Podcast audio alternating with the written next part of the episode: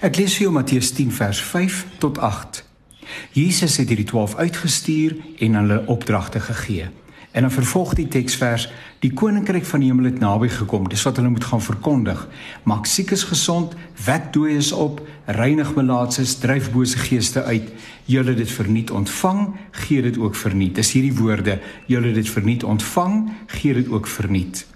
Ek staan in die ry by 'n supermark om my inkopies te betaal. Voor my staan 'n vrou met 'n verpakking na wat vir my na glase lyk.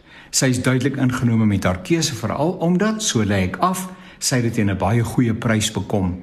Sy is 'n sekuriteitsbeampte en is ook so geklee. Voor haar staan 'n man wat haar oor die pakkie uitvra.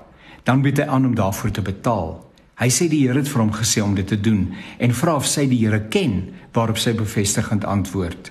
Sy is baie dankbaar vir hierdie mooi gebaar en van haar kollegas staan skieurig nader. Hulle deel in haar vreugde. Die man sê hy's 'n pastoor. Sy vra waar sy gemeente is waarop hy antwoord dat hy op verskeie plekke op uitnodiging preek. Hy het nie 'n gemeente as sodanig nie. Ek is bly dat ek in die ry beland het. Ek is dankbaar dat ek hierdie gebaar van medemenslikheid kon beleef. Ek is opgewonde omdat ek weer eens gesien het dat 'n mens bykans enige geleentheid kan gebruik om op 'n praktiese wyse die liefde van Jesus te demonstreer. Dit herinner my aan die fliek wat jy waarskynlik ook gesien het, Pay It Forward. Jy doen goed aan ander en dikwels kom daardie weldaad op die een of ander wyse terug na jou toe. Dis nie dat jy dit verwag nie, maar dis hoe dit werk. Sommige sal sê die universe beloon jou. Nee wat? Ek glo nie die universe kan enigiets vermag nie.